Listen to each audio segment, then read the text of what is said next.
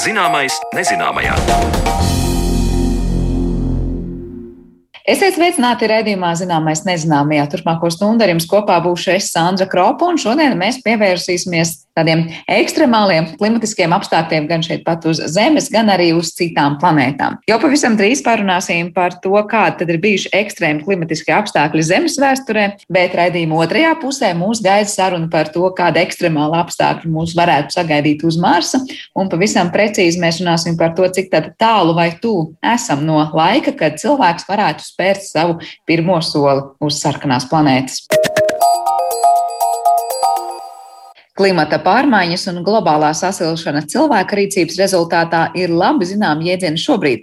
Vēsturiski gan daudzi procesi mēdz atkārtoties un izskatās, ka ekstrēmi klimatiskie apstākļi Zemes vēsturē jau ir piedzīvoti. Ko mēs par tiem zinām un kā pašreizējais klimats izskatās uz agrāko ekstrēmo fonu? Par šiem jautājumiem interesējās mana kolēģi Mariona Baltkalni. Varētu teikt, ka pats Zemes veidošanās process ir bijis viens liels klimatiskais ekstrēms. Brīdī, kad Zemes priekštece senatnē sadūrusies ar citu planētu, teju, no Zemes sadalīta liela daļa masas, bet Zeme, saplūstot ar tejas kodolu, pilnībā izkususi. Tātad savā veidošanās vēsturē Zeme pat līdzinājusies Saulei. Šo lapusi ar ārkārtīgi seno stāstu pāršķirsim un pievērsīsimies tiem geoloģiskajiem periodiem, kad uz Zemes jau pastāvējušas dzīvības formas. Latvijas Universitātes Geogrāfijas un Zemes zinātņu fakultātes profesors, geoloģijas nodaļas vadītājs Ervīns Lukševičs, runājot par pēdējiem pusmiljards gadiem Zemes vēsturē, vispirms izšķir četras ekstremāla augstuma epizodes. Turpina Ervīns Lukševičs. Pirmais jāmin Ordovika beigu aplidojums. Tam ir piešķirts speciāls nosaukums - Hirnantijas aplidojums. Tas notika apmēram pirms 450 miljoniem gadu. Globālā temperatūra tajā brīdī kļuva apmēram 14,5 grādiem. Aplidojums bija raksturojams ar samērā nelielu laiku, bet ļoti bargs klimats. Un notika pat divas izmiršanas. Eh, gan ne tieši saiknē ar klimatu pārmaiņām, bet tur ir citi iemesli. Pirmkārt, apledojumam izveidojoties, ļoti lielas platības aizņēma ledājs, biezi ledāji. Pie tam vēl tas notika dienvidu puslodē, nevis ziemeļu puslodē, un okeāna ūdens izgulsnējies uz kontinenta. Rezultātā pasaules okeāna līmenis ļoti strauji samazinājies. Un tie organismi, kas, piemēram, pie gultnes piestiprinās, vienkārši nespēja aizmukt un atrast patvērumu. Tas bija viens vilnis, un pēc tam, kad eh, klimats uzlabojās, eh, vēl viena nelaime.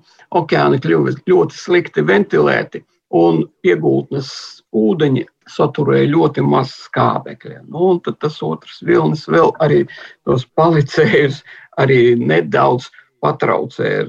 Pēc tam siltums atgriezās un e, ledā izkusa un viss zēla un plauka līdz pat karbona perma robežai. Un pirms apmēram 300 miljoniem gadu atkārtojās situācija. Atkal temperatūra samazinājās šoreiz vairāk, nokritās līdz apmēram 13 grādiem. Un atkal dienvidu puslodē uz e, milzīga kontinenta, kuru dēvē par Gondvanu, attīstījās sauszemes apledojums, aizņēma ļoti plašas teritorijas. Un atkal pasaules okeāna līmenis kritās, bet par laimi jāsaka, tāda masveida izmiršanas epizode tomēr nav novērota. Trešā reize, kad temperatūra ekstremāli nokritusies, ir saistīta ar ļoti liela asteroīda ietriekšanos Zemē pirms 66 miljoniem gadu un tas ir stāsts par dinozauru, amonītu, lielo jūras rāpuļu, zīdītāju, putnu un augu izmiršanu. Pierādījums šim triecienam ir relatīvi nesen atrasts milzīgs krāteris Meksikas teritorijā un Meksikas līcī. Nu, aprēķina rāda, ka pateicoties triecienam uz ļoti īsu laiku, no lielākais desmit gadiem, temperatūra nokritās līdz rekordzemai, globāli 11,8 grādi. Nu, tas ir pats ekstremālākais ekstrēmums. Bet izmiršana tomēr notikusi ar triecienu saistīto iemeslu dēļ. Tātad notika uh, sprādziens, sadursme, asteroīds izrāva milzīgu bedri, patiešām iespaidīgu, vairāk kā 100 km diametrā. Trieciena vilnis, nu, tas pārsteigāja visu pasauli, acīm redzot, un izraisīja meža ugunsgrēkus, izraisīja tsunami vilni. Un vēl atmosfērā tika izmests tik daudz putekļu, tvaika un sēra savienojumu, ka iestājās kodolziema, proti saules stari nespēja sasniegt zemes virsmu un tāpēc temperatūra strauji kritās. Visbeidzot, kā ceturtā lielā un mums vislabāk zināmā augstuma epizode, jāmin pleistocēna apladojumi, kas izpaudās arī ziemeļu puslodē. Bargākais klimats ir eh, bijis aptuveni pirms 20 tūkstošiem gadu mūsu pašu sugas homo sapiens pārstāvji tad jau bija vienīgā cilvēku suga uz Zemes. Bet spēja pielāgoties un eksistēja, neskatoties uz to, ka minimālā temperatūra globālā bija apmēram 12,4 grādi. Un pleistocēnā arī mēs varam novērot pazīmes, kas liecina par izmiršanu, bet nevis saiknē ar klimata paveicināšanos. Gan dzīvnieki spēja pielāgoties, gan daži augi. Nu, kā labs piemērs varētu būt mamuti. Ja tad, kad klimats kļuva vēsāks, tad zilonim atauga garāki mati, bet tad, kad pēc maksimālā apledojuma kļuvis siltāks, tad tas notika ļoti strauji. Un ne visas dzīvnieku sugas spēja vienlīdz labi pielāgoties šādām pārmaiņām. Mēs zinām, ka mamutus medīja, bet cik liela loma bija samērā nelielai cilvēku populācijai, kas nodarbojās drīzāk ar mamutu mazuļu medībām, ne jau tos milzīgos ziloņus mēģināja apspēlēt kaut kādā veidā. Vai šobrīd nu, pastāv vispār tāda hipotēze apsvērums, ka ledus laikmets Zemes vēsturē atkal varētu atkārtoties?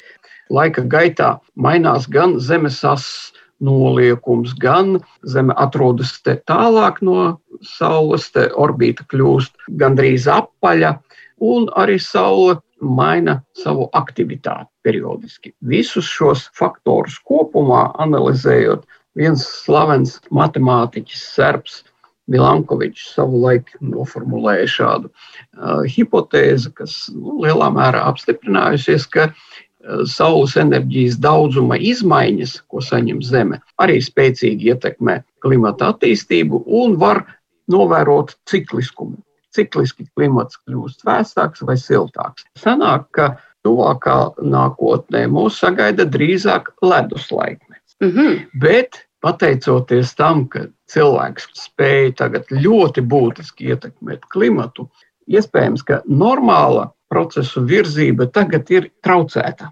Ļoti būtiski atzīmēt, ka izmiršana galvenokārt saistīta ar pasiltināšanos, ne ar paveicināšanos. Un tas ir tas kāpēc cilvēki ceļ trauksmi tagad. Jo tas, ko mēs novērojam pašlaik, ir klimata pasiltināšanās. Te arī nonākam pie četrām ekstremālām karstuma epizodēm Zemes vēsturē. Saistībā ar pirmo epizodi atkal varam atgriezties pagātnē pirms 540 miljoniem gadu. Aizsākumu ekstremālam siltumam apmēram 80 miljonu gadu garumā, globālai temperatūrai pārsniedzot 25 grādus. Šī iemesla dēļ sauszeme netika apdzīvota, visa dzīvība eksistēja jūrā.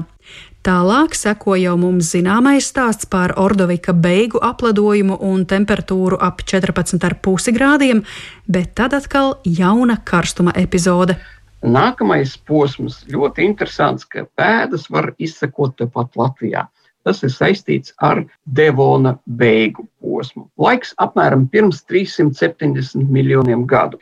Vidējā temperatūra uz Zemes varētu būt 25,8 grādi. Tas nozīmē, ka vietām jūrā un okeānā varētu būt ūdens temperatūra ap 40 grādi. Nu, burbuļu vannā, kur ir 40 grādi, mēs nelabprāt lienam. Bur, burbuļu vannā, ja ir 37, labi, 38, nu tā varētu pasēdēt, bet 40 tas ir par daudz. Šādu klimatu dēvē par saunas klimatu. Un kaut arī šis ir bijis īss posms ap desmit miljoniem gadu, tomēr bija pietiekami daudz dzīvu organismu, kas nu, laikam nespēja pielāgoties un notika izmiršana. Nu, nākamā epizode ir saistīta ar perma beigām, atminamies karbona un perma robežas aplidojumu, bet pēc 55 miljoniem gadu iestājās pats karstākais laika posms Zemes vēsturē - 27,9 grādi vidējā globālā temperatūra. Un uh, ar šo epizodi gan ir saistīta visdramatiskākā, jebkad konstatētā izmiršana pēdējos 500 miljonos gadu. Iedomājamies, Latvijas putnu fauna tagad aptuveni 300 sugas, ko var novērot, un uh, no tiem 95% izzustu kas tad paliktu? Mm. 15 sugas. Tas ir ārkārtīgi dramatisks brīdis Zemes vēsturē. Fauna ļoti smagi cietusi, tāpat ļoti daudz augu izmira. Nu, un ceturtā epizode ir ļoti īslaicīga. Tas ir paleocēns pirms 55 miljoniem gadu. Un uh, paleocēna beigās uh, atkal ekstremāli karsts, 25,5 globālie grādi, bet uh, ar šo periodu nekāda diža izmiršana nav saistīta. Iespējams, tas ir tam dēļ, ka šajā laikā kontinenti bija izvietojušies samērā vienmērīgi un nodrošināja klimata izlīdzināšanos. Atzīmējot nogrieznī visus karstuma un augstuma ekstrēmus, sanāktu interesanta līkne.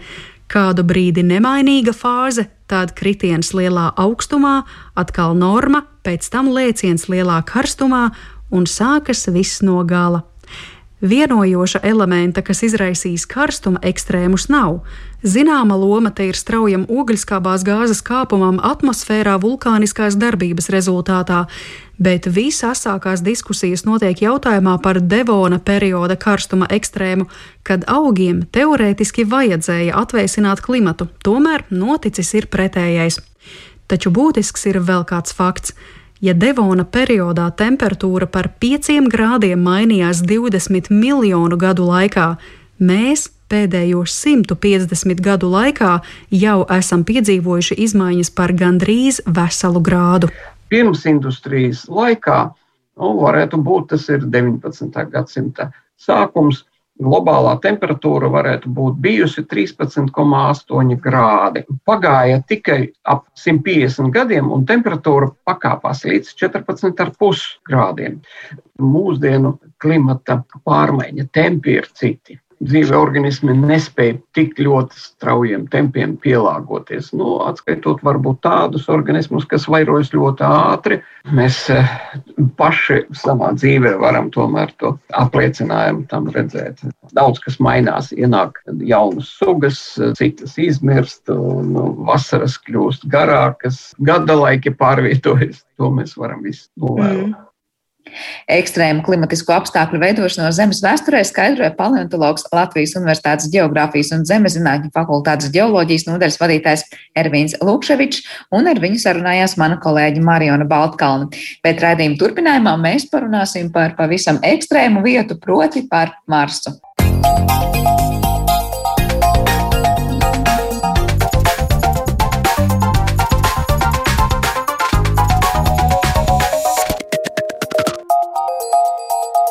Zināmais nezināmajā. Kosmosa jāmā šobrīd neapšaubām savu zvaigžņu stundu piedzīvo mūsu tuvākā planēta Mars.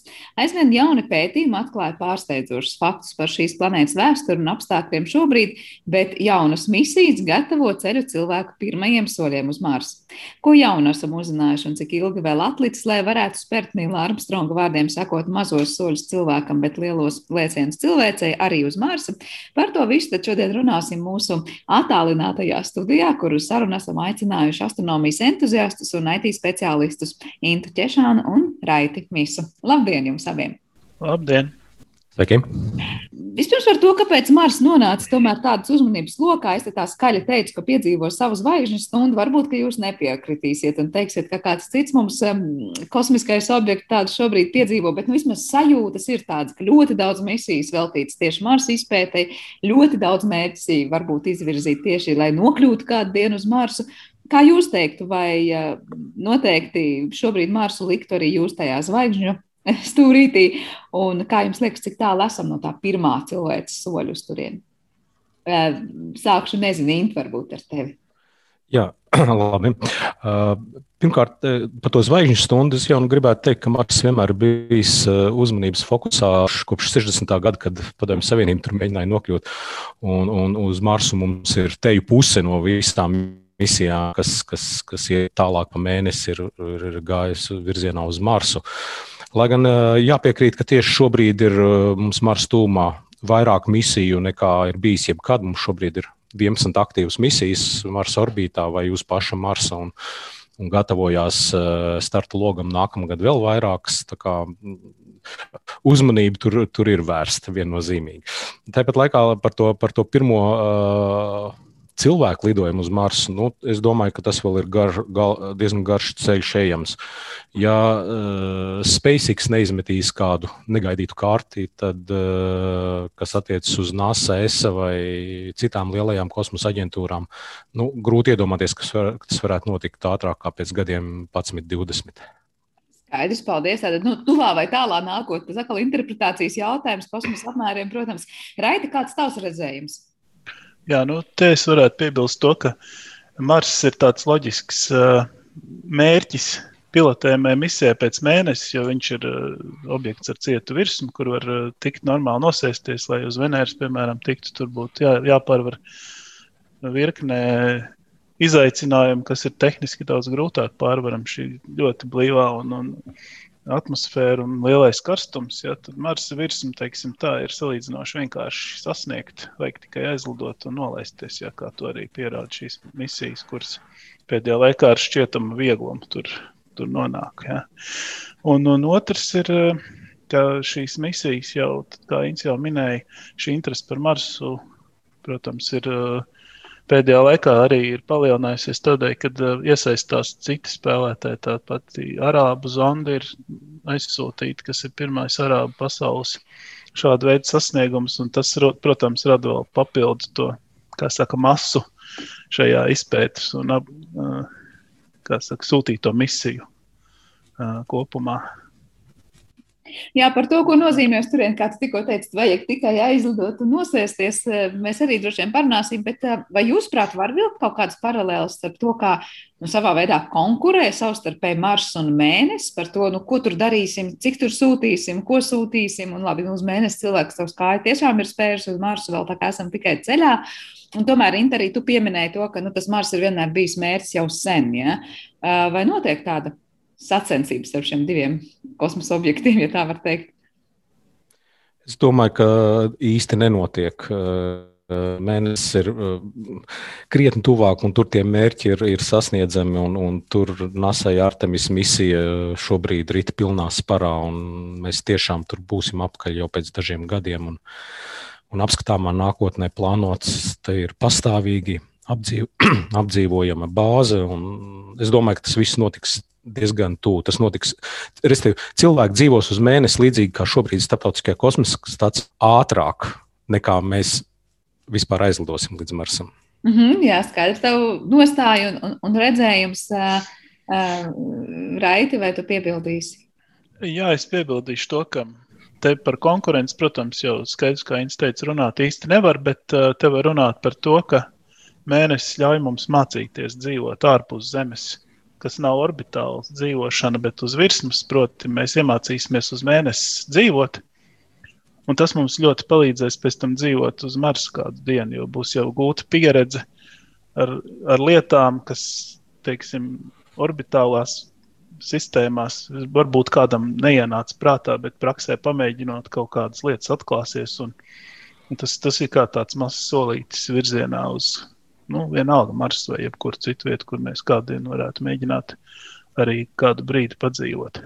Bet kā sanāk, nav tā, ka no vienas puses, labi, tas, ko mēs iemācīsimies vai iemācāmies uz mēnesi, nu, mēs uzreiz nevarēsim vienkārši pārnest tur uz Marsu, vai pēc tam, ja kaut ko mācīsim uz Marsu, uz kādu citu planētu, jo tie apstākļi tomēr ir ļoti, ļoti atšķirīgi. Un arī tas pats, ko tu teici, nu, vienkārši aizlidot un nolaisties uz Marsa, ka tas ceļš līdz Marsam visai aizlidošanai būtu jau nu, tik ļoti atšķirīgiem izaicinājumiem pilns, ka nu, tik vienkārši to iemācītos turien nepārnesīsim.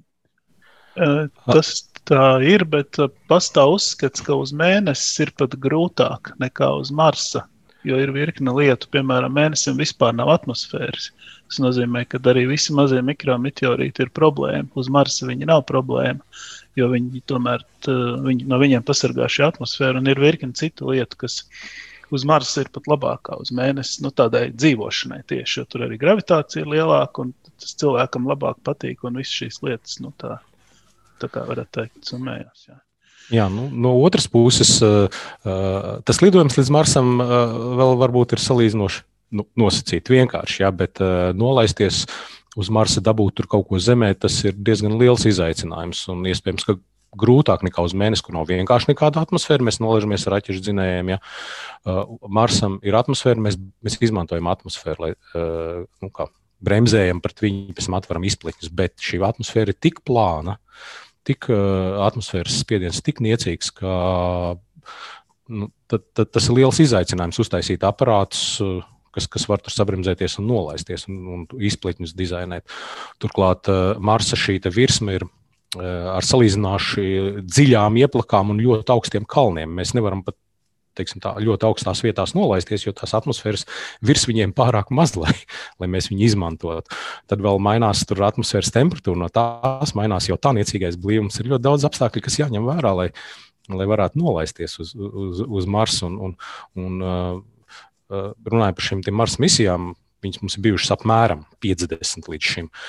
Divas trešdaļas mums ir beigušās nesekmīgi. Protams, daudzas bija 60. gados, bet, ja mēs paskatāmies, piemēram, 90. gados, nu, tur bija viena vai divas amerikāņu misijas, tur Pathfinders bija, kas bija sekmīgi, visas pārējās misijas, tur kādas desmit, viņas visas bija. Viss bija nesekmīgs. Tas Marsa, Marsa lāsts ar, ar misijām ir, ir, ir, ir diezgan, diezgan tāds. Neviens cits galamērķis Saules sistēmā mums nav ar tādu neveiksmi procentu. Nu, tās lietas ir mainījušās tagad, pēdējos 11 gados, kad, kad, kad pārsvarā viss ir sekmīgs. Tur vienu otru negadījumu varam atrast. Mm, Bet izaicinājums nolaisties uz Marsa ir liels. Par tām pēdējām misijām, ko arī pieminēja, ar ko jūsuprāt, ab, abiem jautājumiem ir saistāms tas, ka tās neveiksmes varbūt ir kļuvušas mazāk, tehnoloģijas ir mainījušās, mūsu zināšanas ir kaut ko ļāvušas vairāk saprast un vispār pilnīgi citādāk tās plānot. Vai, vai mēs vienkārši uz citiem mērķiem ejam? Ne, mēs vienkārši esam mācījušies, un mums tehnoloģijas attīstās gan viens, gan otrs, ko tu minēji. Tas ir tieši, tieši tā arī ir mēs esam iemācījušies, un, un, un mums arī, arī, arī, arī, arī tehnoloģijas attīstās. Mm, Raiti? Jā, tieši tā. Piemēram, tagad pēdējā perseverance nolaišanās laikā tika izmantot arī pilnīgi jauna tehnoloģija, kas, kas ļāva nolaisties diezgan precīzi, kad tika salīdzināti iepriekš no orbitas uzņemtie virsmas attēli ar to, ko uzņem reāli laikā nolaišanās tajā procesā. Un šos attēlus salīdzinot, tad uh, tika izvēlēti tajā uh, Česaro kraterī salīdzinoši nelīdzenā vietā, kā vietā uz Marsa, tomēr atrada līdzenu gabaliņu un tur nolaidās. Jā. Bez šādas sistēmas tur praktiski nebūtu reāli nolaisties. Tas ir vēl viens papildinājums, vēl viens uzlabojums šim nolaišanās procesam, ka viņš tiek uh, veikts precīzāk. Un, un šīs lietas tikai nāks klāt, un tā gūtā pieredze tiks izmantot nākamajās misijās, un, un, lai nosēstos to vēl precīzāk un, un, un droši vien arī kādā brīdī efektīvāk. Un, un tā tas tieši tā, balstamies paši uz to, kas jau kādreiz ir darīts, ko esam iemācījušies. Tad var teikt, ka pēdējās tās tehnoloģiskās lietas, kas ir mainījušās, ir pilnīgi citādāk, citādākas, kas dodas uz Marsu, un tāpēc tie rezultāti neizpaliek labi un nevar salīdzināt to tehnisko risinājumu, kas tika sūtīts uz Marsu, piemēram, pirms 20 vai 30 gadiem.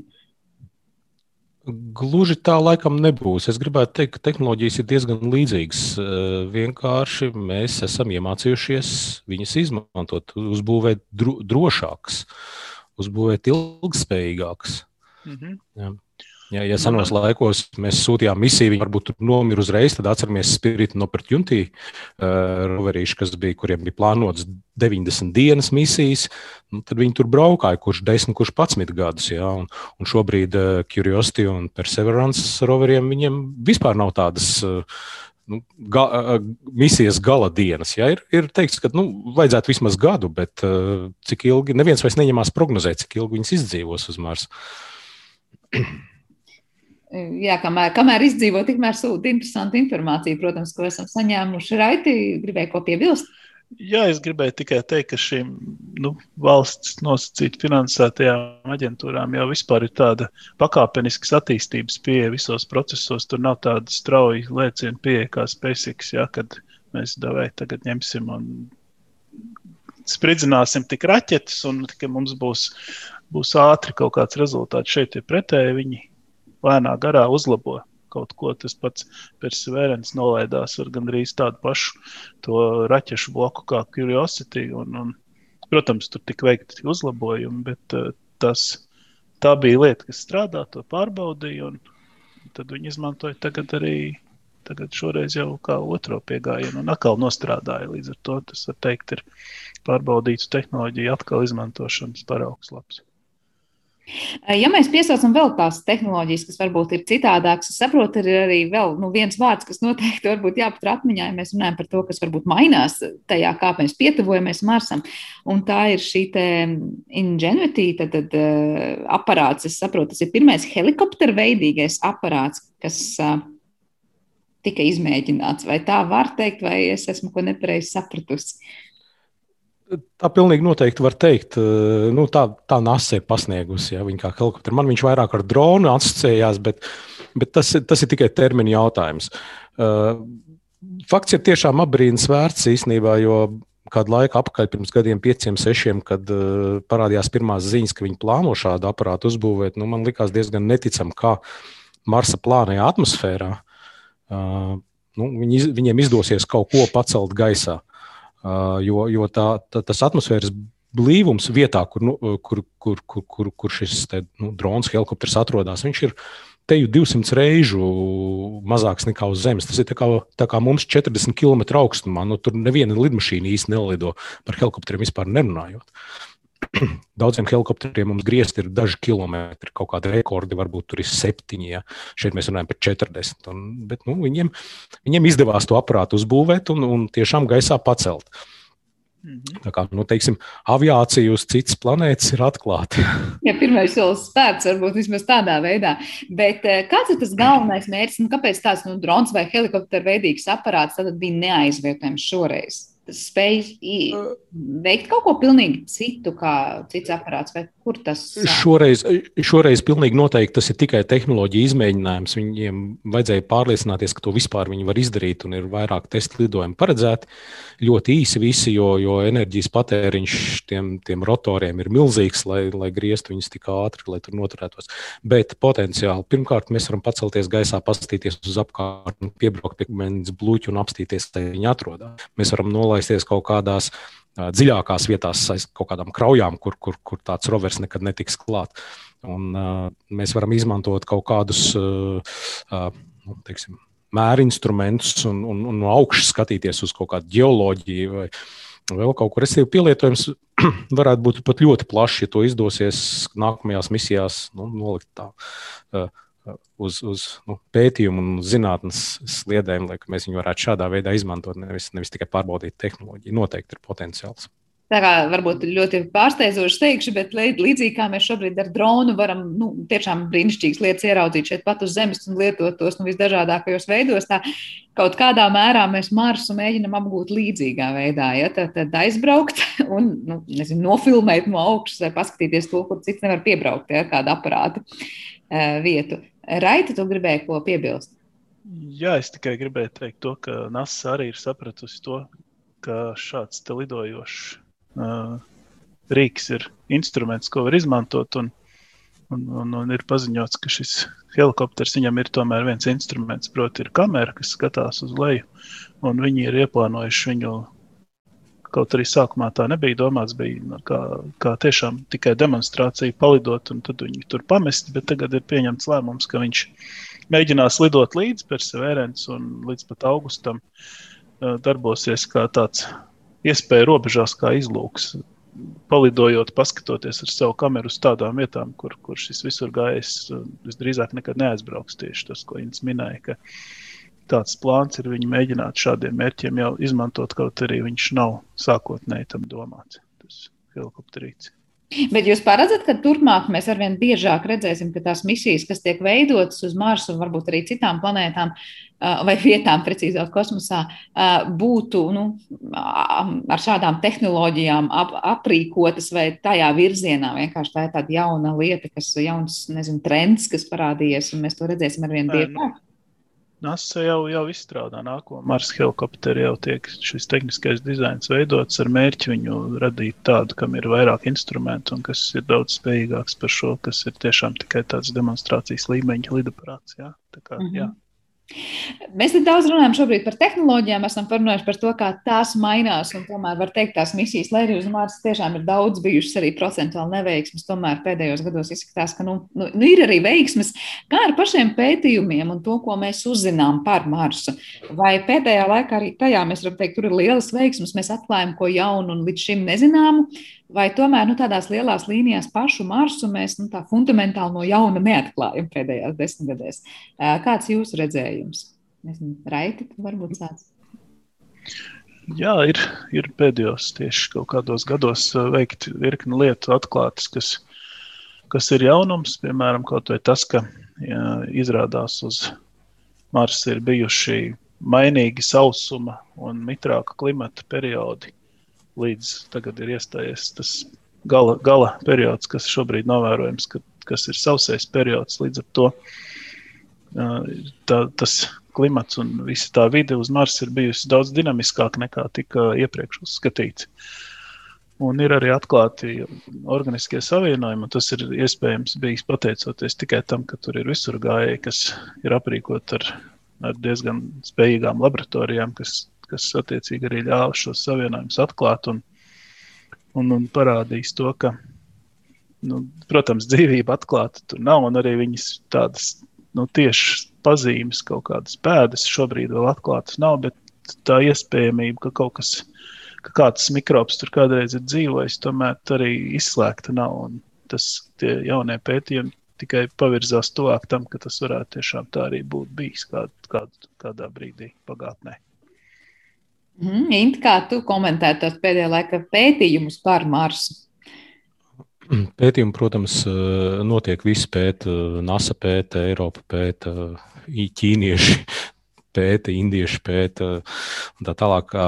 Un, un, un šīs zināšanas viņas pamazām krājas kaudzītē un tiek analizētas un kaut kādas hipotēzes izvirzītas un fakti pārbaudīti. Visu, tās, visu, to, visu to zināšanu es sadalītu tādās nu, trijās lielās kategorijās. Pirmkārt, tas lielais akmens, mēs gribam tur atrast dzīvību vai, vai, vai, vai pierādījums tam, ka, ka kad kaut kad ļoti tālā pagātnē tur kaut kas tāds ir bijis.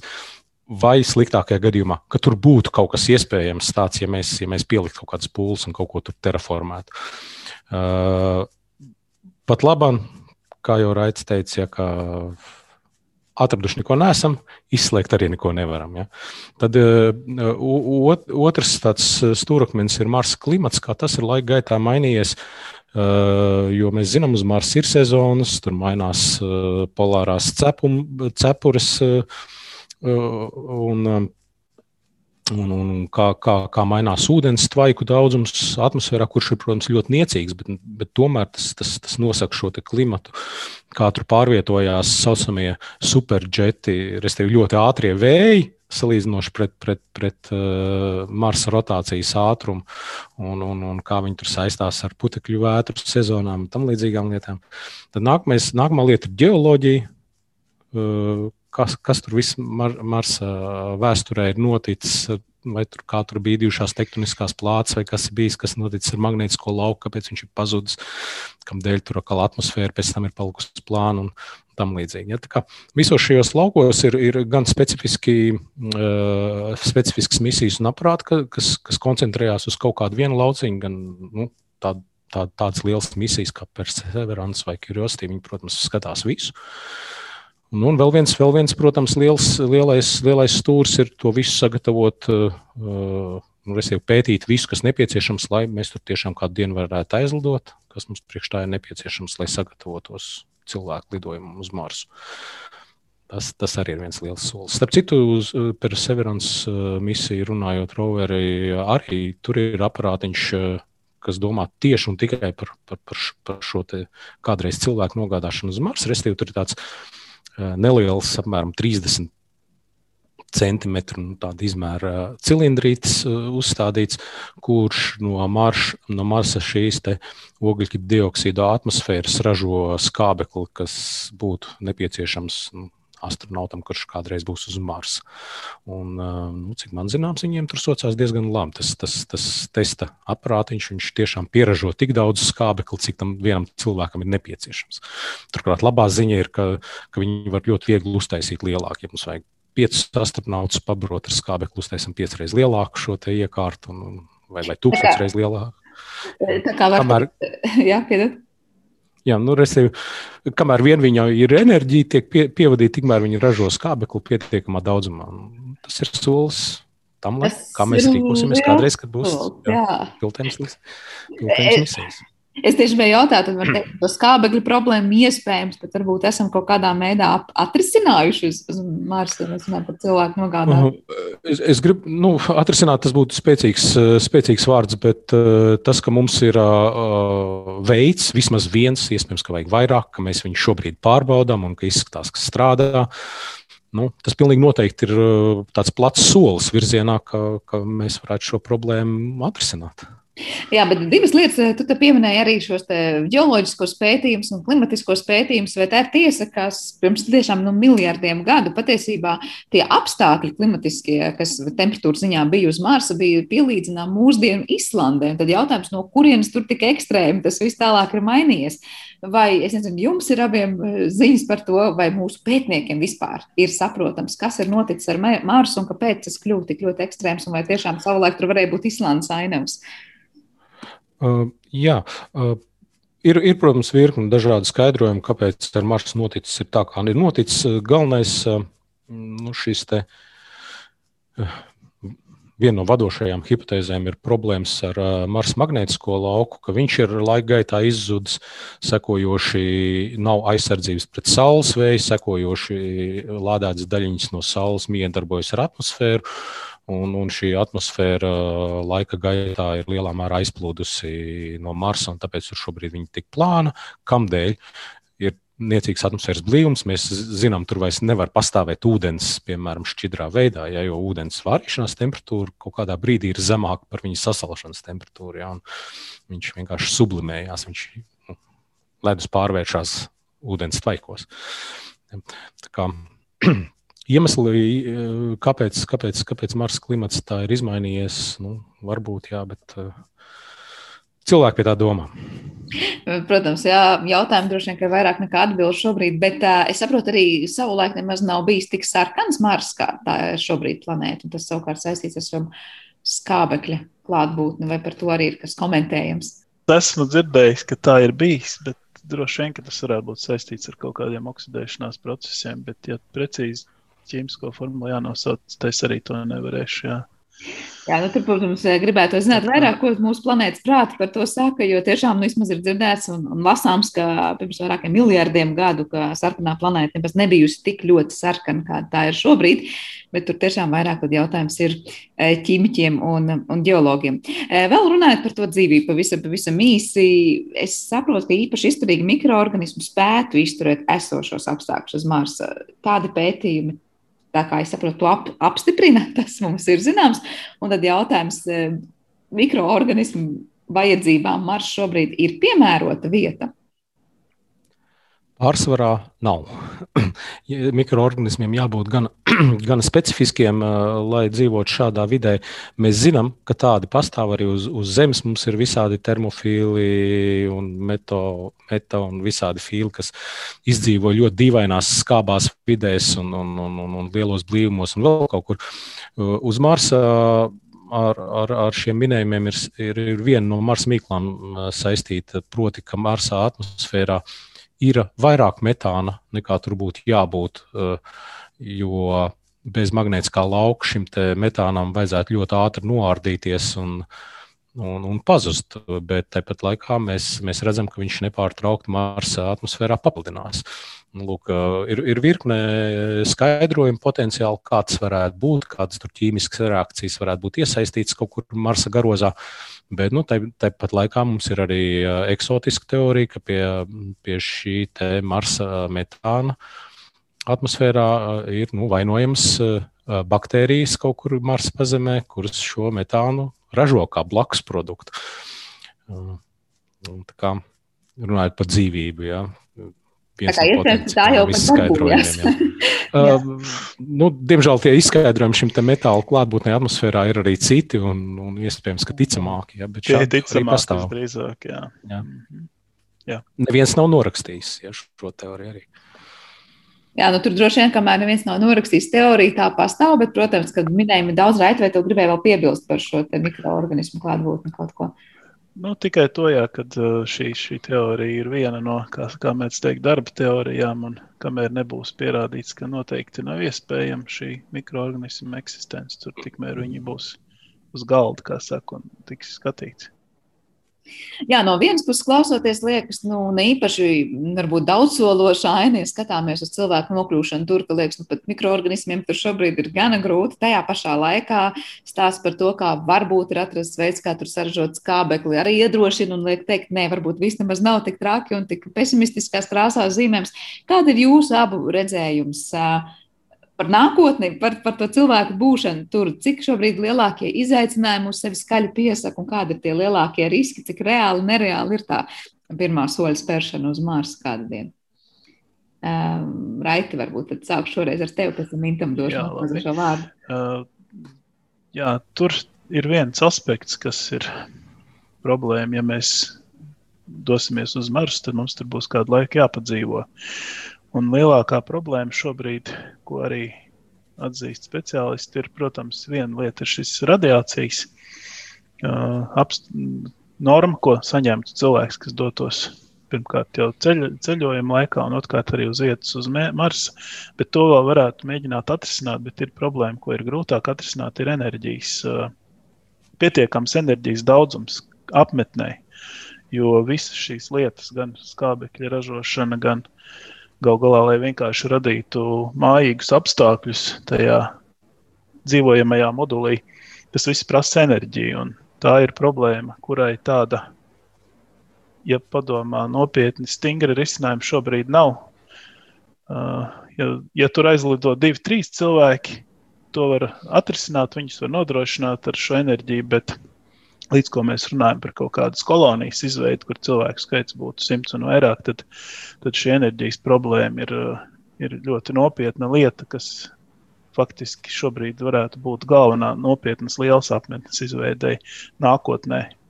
Bet runājot par pirmajiem soļiem, tas ir diezgan reāli atrisinot virkni nopietnu jautājumu, bet tehnoloģijas, lai viņas atrisinātu, visdrīzāk ir veidi, kā to izdarīt. Ir, un, un es domāju, ka šī, šī palīdzība, ko mums tajā procesā dos arī darbošanās uz mēnesi, varētu pātrināt to, to dienu, kad kāds cilvēks tur aizlidos. Bet, protams, tas nenotiks tuvāko desmit gadu laikā. Noteikti nē.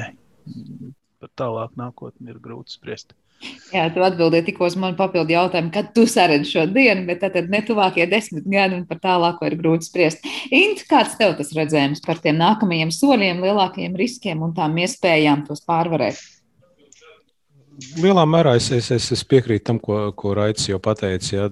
Pilnīgi noteikti tās ir divas dažādas lietas. Vienkārši līdz turienei aizbraukt, pat ja mēs tur uzturamies kādus mēnešus un braukt apakaļ, pavisam cits ir uztaisīt pastāvīgu koloniju, sevišķi, ja, ja kolonija sāk izvērsties, ja, jo enerģijas patēriņš, nu, padomājiet par to, cik jūs tērējat līdzekļus, lai, lai būs Latvijā uzturētu siltu mājokli ziemā. Ja, un, un, un tagad stādieties, ka jūs esat uz Marsa, kur jums ir mīnus 100 naktī, nu, tas tā normāli, jā, nekāda problēma. Tā kā nu, enerģijas patēriņš dzīvojot tur, tajā kolonijā, lai kādi būtu nu, lietas, kas, vai dažādas, kas, kas, kas tērē šo enerģiju, ja, tas, tas ir izaicinājums viennozīmīgi.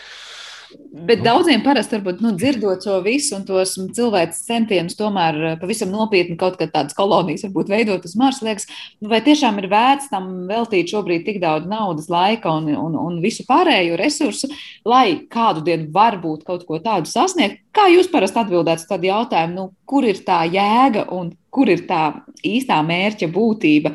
Pat ja mēs varbūt nenonākam uz Marsa, lai tur dzīvotu vai pārceltos, Kas ir tas, ko mēs iegūstam jau tagad? Kurš pirmais? Nu, jā, nu, laikam jau tas ir tas, ka šī, šie centieni sasniegt kaut kādus tālus mērķus, protams, rada tā ziņa, zinātnākāres un ziņkārības apmierinājumu. Tas ir tāds, tāds, ko vienmēr piemin, bet ir arī tādas praktiskas lietas. Veidojot šīs kosmosa misijas, izstrādā jaunas tehnoloģijas, kuras, protams, sākotnēji tiek radītas ar mērķi, ka viņas tiks izmantotas tieši šo, šajās misijās, bet kā praksa rāda, viņas pavisam ātri nonāk arī mūsu ikdienā, komercializējas un kļūst par, par kaut ko tādu, bez kā mēs savu ikdienu vairs īsti nevarētu iedomāties. Mums arī bija saruna par šo pirms kādu laiku. Un, un tas ir vēl viens blakus aspekts, kas ir noteikti jāņem vērā, ka šī no vienas puses tās zinātnākāras apmierināšana ir tā, kas mūs savulaik aizdzina uz poliem zemes lodei un, un tagad dzan mūs tālāk kosmosā, bet ir arī šī praktiskā puse, šīs lietas, kas rodas, kā varbūt nosacīti blakus produkts arī mūsu ikdienā, un, un tas ir devis ļoti, ļoti lielu pienesumu tam, kā mēs šobrīd dzīvojam. Mm, tā kā mūsu zinātnē dod arī augļus jau šodien praktiski lietojamos ikdienas dzīvē. Int vai vēl ko piebildīs, jo liekas, Raits jau ļoti precīzi. Nu, tur, tur, tur, tur tikai jā, izskaistināt to visu vēl var, ja, ka, ka palielam jūs nekad neuzdodat jautājumu, kāpēc mums ir vajadzīgas fundamentālās zinātnes un pētījumi fundamentālajā zinātnē, tur ķīmijā, fizikā, matemātikā vienalga. Jo nekad tu nezini, kad šis nākamais atklājums novedīs pie kaut kāda kvantitatīva lēciena tehnoloģijās eh, vai materiālos, vienalga, vai tas tev pēkšņi tur ir jaunāks, jaunāks mobilais telefons, ja, kurā tur ir kaut kāds ekrāns vai kamera savādāk izmantota vai vēl kaut kas. Un šīs te, šie te kosmiski, kosmiskās misijas un pētījumi, viņi, viņi izaicina pašu, pašu, pašu spicīti, vissarežģītākās, visdrošākās lietas bieži vien kā uztaisīt. Un, un, un tas nāk atpakaļ bieži vien mēs, mēs, mēs to nepamanām. Ja? Es esmu saskāries to, ka cilvēkiem ir grūti pateikt, nu, kāpēc mums vajadzēja tur izdarīt to vai šito, iztērēt par to miljardu, ja, un, un, un, un kur tad ir tā konkrēta atdeve, kā, tagad, kā, kā man biznesa plāns pēc, pēc sešiem mēnešiem, kā es viņu dabūšu apakaļ. Nu, nē, tāds nenotiek. Tas, tas notiek tā, ka cilvēks laika gaitā, desmitgadēs, varbūt pat simtgadēs, ja pamazām akumulē aizvien vairāk zināšanas, aizvien vairāk tehnoloģijas, un, un, un kāda planēta izskatās, eh, kā mēs dzīvojam šodien, vai kā mēs dzīvojam pirms simts gadiem, vai kā mēs dzīvojam pirms divsimt gadiem. Ir diezgan liela starpība. Tas ir pateicoties tam, ka cilvēki gan pēta uh, dabas zinātnes, gan uh, mētās uz visādiem izaicinājumiem, Ja, un bīda kaut to, to, tos atklājumus uz priekšu. Jā, tādas tveramās un netveramās liekas, šķietami netveramās šobrīd, varbūt lietas arī cilvēki tiešām pirms simts gadiem arī ir pētījuši. Un lūk, mēs esam tur, kur mēs esam. Būtu interesanti, protams, pēc simts gadiem pajautāt tiem cilvēkiem, kas dzīvo šeit, kāda ir šī planēta un redzēt, kāds ir tas devums bijis tam, ko darām šobrīd. Bet nu, šoreiz gan es teikšu jums lielu paldies. Eh, Inns Češāns un Raits Mīs, tātad eh, astronomijas entuziasti un IT speciālisti šodien viesojās mūsu attālinātajā studijā. Mazliet ieskicējām to, kāda ir mūsu planētas tālākie mērķi un centieni nokļūt uz Marsu un kā mēs turienei mēģinam uh, aizsūtīt dažādas tehnoloģijas, kā tas sanāk, kur ir veiksmas un neveiksmas. Tā kā liels jums paldies par šo sarunu. Es atgādināšu klausītājiem, ka mūsu raidījums arī var dzirdēt populārākajās podkāstu vietnēs un par šo raidījumu parūpējās producenti Paula Gulbinska. Mūzikas redaktors bija Girds Bišs, bet ar jums kopā es Sandra Kropa. Uz tikšanos!